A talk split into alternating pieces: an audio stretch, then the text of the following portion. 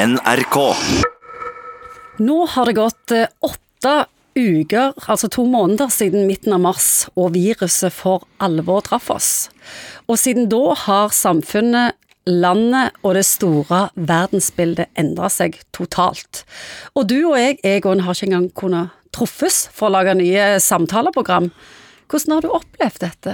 Ja, litt sånn som de fleste andre, tror jeg. At Ja. En erkjennelse av at det har vært en veldig spesielle tid, hvor du har blitt utfordra på ting som, eh, ja, som du kanskje ikke hadde tenkt du skulle bli utfordra på. Hvordan har ditt liv endra seg mest? Som som de fleste andre, at du ser ikke så mye til folk. Forholder deg til alle mulige teknologiske løsninger som eh, Hjemmekontor og- Hjemmekontor, alt er, Alt. er vanlig. Altså, livet mitt har vært veldig likt sikkert ditt liv, vil jeg tro. Ja, men hva har du tenkt om det som skjer?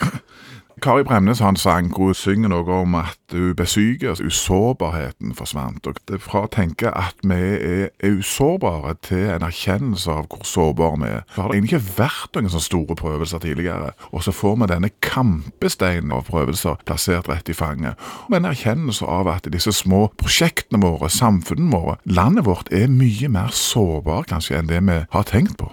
Vi har trodd vi har hatt teknologisk kontroll på alt, men dette bitte lille fordømte viruset, det har truffet oss under beltestedet nesten. Hva tror du det gjør med oss? Sikkert vanvittig mange ting. altså Vi vet jo ikke helt dette ennå, for vi har jo ikke vært ute for noe tilsvarende. Nei. Så dette må folk liksom Vi får lov å spekulere litt. Grann, hva som, nei, altså, det er jo en påminnelse om hvor liten verden er. Mange hadde kanskje tenkt at det var miljø og den type ting som skulle gjøre oss oppmerksom på at vi må trekke i flokk og at vi må tenke globalt. Men så var det altså et lite virus som har gjort oss oppmerksomme på hvor liten verden er, og hvor kort avstand egentlig det er mellom oss. Og at vi må tenke mye mer globalt eh, enn det vi noen gang har gjort før. Ja, men er det det som har skjedd? Har det blitt mer samlende, eller har vi blitt splitta? Fysisk så er det jo beviselig blitt lenger mellom oss, disse meterne og at vi sitter inne i hjemmekontorene våre. Men kanskje er det noe at vi har fått, et felles samlende prosjekt. Problem? Ja, problem eller prosjekt eller som på en måte berører oss, enten du er høy eller tynn, eller rik eller fattig, eller ung eller gammel, så har vi fått et felles prosjekt. Når vi ser tilbake igjen på dette, så hvordan vi opplever det som har skjedd, er litt avhengig av hva ord vi bruker, og hvordan vi skriver historien om det som har skjedd. Og det er klart det vil alltid være i en sånn situasjon, så vil det være ting som er lite pene. Hamstring, folk som bare tenker på seg sjøl. Men jeg tror det er viktig at vi, vi flytter vekta over til den andre foten, som handler om eh, de 95% som faktisk har bestemt seg for å tenke kollektivt, og som ikke bare holder avstand til andre for å ikke bli smitta sjøl, men fordi at de vet at de sjøl kan være et sånn tikkende smittebomber, og, og gjør det av hensyn til andre Og hjelpe andre. og hjelpe andre. Det, og, så selv om på en måte avstanden er blitt større kanskje mellom oss rent fysisk, så kan det godt være at vi er kommet tettere i forhold til dette fellesprosjektet, det felles dugnadsløftet, og hvor vi alle på en måte må prøve å forholde oss til de rådene som blir gitt.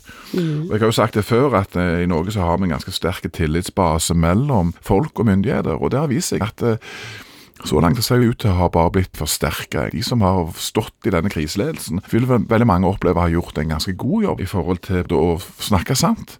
At det har vært lite rom for eh, spekulasjoner og katastrofeteorier. All den tid vi har stor grad av tillit til at det vi blir fortalt, faktisk er så sant som det overhodet går an å være. Vil vi som nasjon og folk oppleve posttraumatisk stress av dette, eller vil vi lære noe og gå styrka videre, tror du? Det er jo sånn som kriser ellers, egentlig, at noen er jo kjempeflinke på å oppsummere hva kan jeg ta med av dette, hva lærte jeg av dette, og andre kanskje har en større grad av sårbarhet, sånn at du mer kan gå ned for telling og bruke lang tid på å komme opp igjen.